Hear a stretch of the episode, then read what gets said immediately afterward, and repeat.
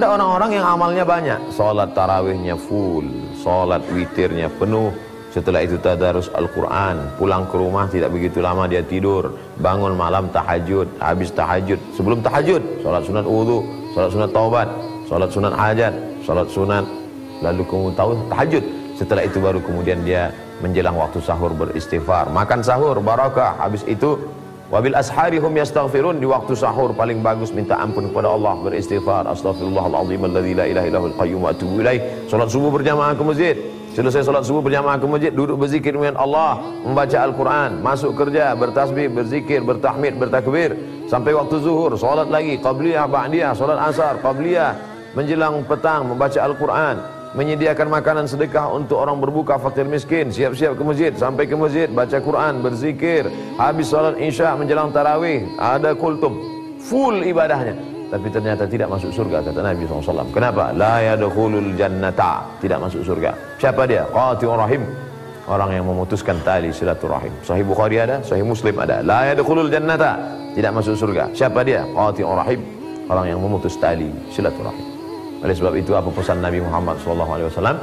Mana ahabba ayyubusata lahu fi rizqihi siapa yang mau lapang rezekinya wa yunsa'a lahu fi atharihi dipanjangkan umurnya falyasil rahimahu hendaklah dia menyambung tali silaturahim.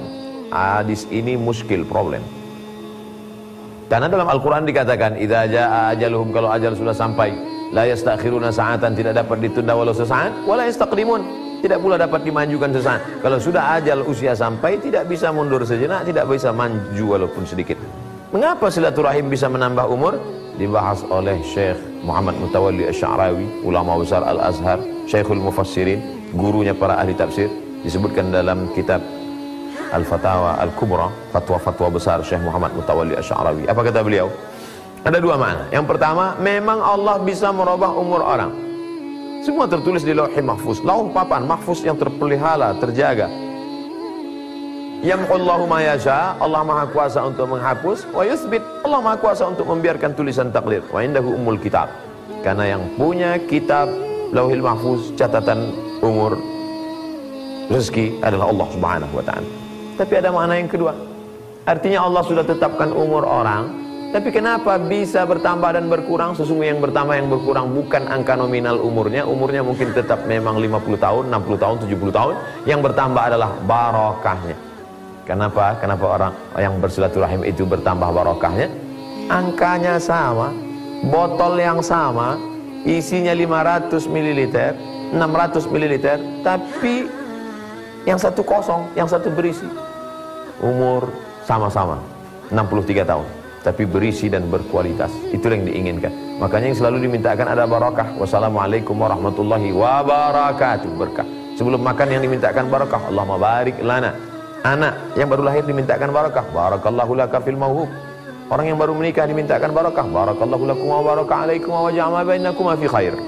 Minta keberkahan. Maka dengan bersilaturahim bertambah berkah. Mamin muslimah ini ada dua orang muslim. Yaltaqiyani berjumpa. Wa yatasafahani berjabat tangan. Illa ghufira lahumah Allah ampunkan dosa mereka berdua malam ya tafarraqa sebelum mereka berpisah.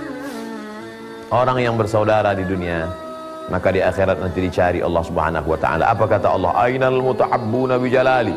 Mana orang-orang yang dulu berkasih sayang karena aku, bukan berkasih sayang karena harta, bukan berkasih sayang karena kuasa, bukan berkasih sayang karena kepentingan dunia. Ainal mutahabbuna bi jalali? Mana orang yang dulu berkasih sayang karena aku, adhilluhum tahta dhilli. Aku akan berikan mereka naungan di bawah singgasana arasku pada saat panas terik padang mahsyar. Ada orang yang mendapatkan naungan khusus. Siapa dia? Orang-orang yang bersaudara karena Allah. Maka sambung tali silaturahmi. Di hari baik bulan mulia selama ini belum melihat momen saya sebenarnya marah sebenarnya emosi. Kapan momen terbaik?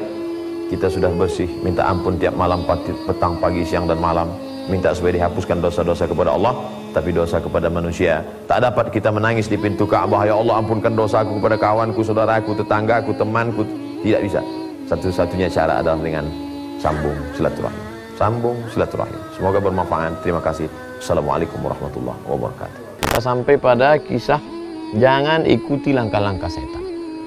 Ada tiga orang dari kalangan Bani Israel, orang-orang beriman sebelum kedatangan Nabi Muhammad SAW, mereka ingin jihad visabilillah, perang. Mempertahankan agama Allah. Tapi ternyata ada satu penghalang mereka, mereka punya seorang adik perempuan. Ini adik mau dititipkan ke mana?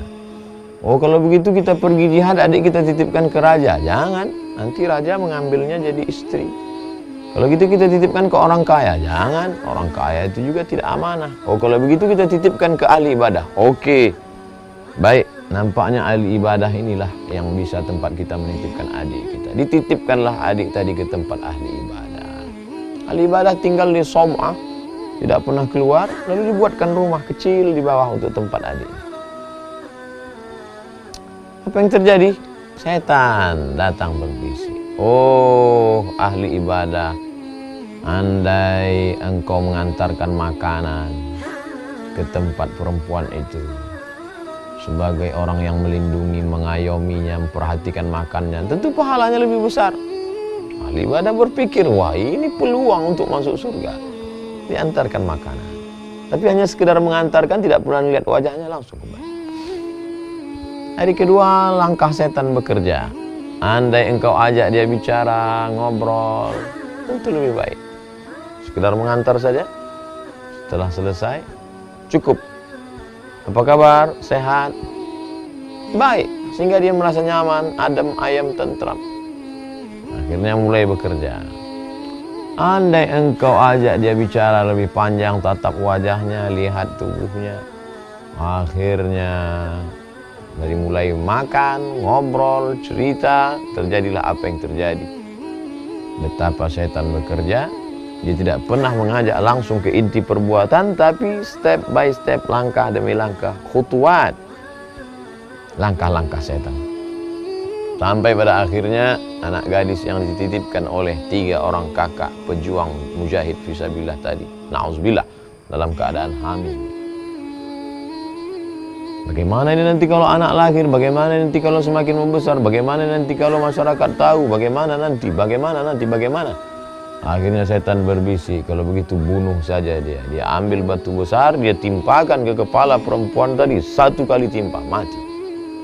Meninggal dunia.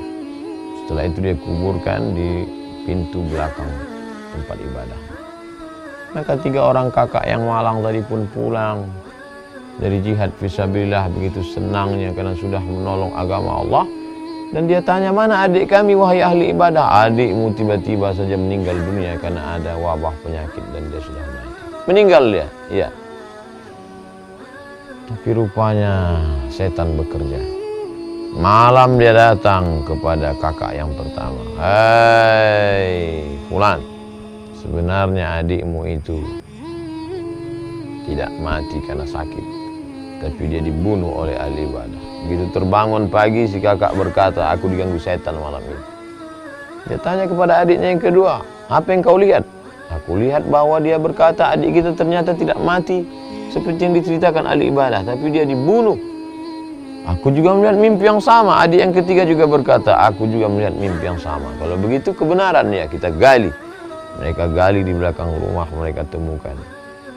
Ternyata memang benar bahwa adik mereka dibunuh oleh ahli ibadah. Dilaporkan sampai ke Tuan Raja. Apa yang terjadi? Ternyata begitulah Allah Subhanahu wa taala. Sampai akhirnya mereka membawa kepada raja dan dia harus dihukum karena sudah menyia-nyiakan amanah. Sudah selama ini dianggap orang yang baik, dianggap orang yang dekat dengan Allah Subhanahu wa taala. Lalu kemudian apa yang terjadi? Ketika dia akan mati, iblis datang berbisik kepadanya. Bila engkau mau berkata bahwa engkau ingkar kepada Allah, maka engkau akan selamat. Lihatlah bagaimana jahatnya iblis. Sampai pada saat detik-detik menjelang kematian saat terikat, dia tetap juga akan menggoda. Padahal ini orang sudah kena hukuman.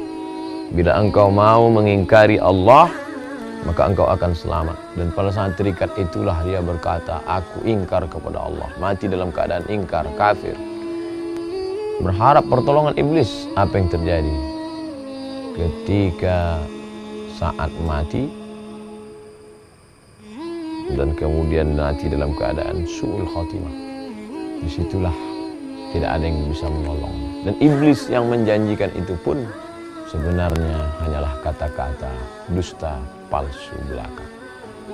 Apa pelajaran yang perlu kita ambil? Mari kita senantiasa waspada. La tattabi'u khutuwati syaitan. Jangan ikuti langkah-langkah setan.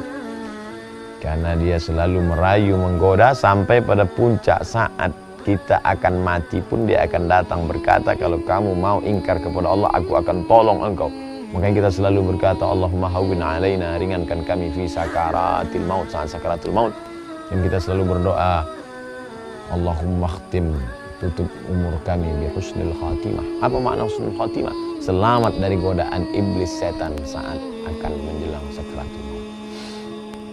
Toh pada saat ikut kata-kata setan, mati dalam keadaan ingkar, dia juga tidak bisa menolong. Sampai pada akhirnya itu yang dikatakan Allah, kafirlah kamu dalam surah Al-Hasyr 16 17. Maka tatkala manusia itu kafir, maka ia berkata, sesungguhnya aku berlepas diri dari kamu karena sesungguhnya aku takut kepada Allah. Maka adalah kesusahan, kesudahan keduanya, sesungguhnya keduanya sama-sama masuk dalam neraka. Iblis dan orang yang digoda sama-sama masuk dalam neraka. Tak ada yang bisa menolong kecuali Allah. Mudah-mudahan menjadi pelajaran buat kita. Terima kasih. Wassalamualaikum warahmatullahi wabarakatuh.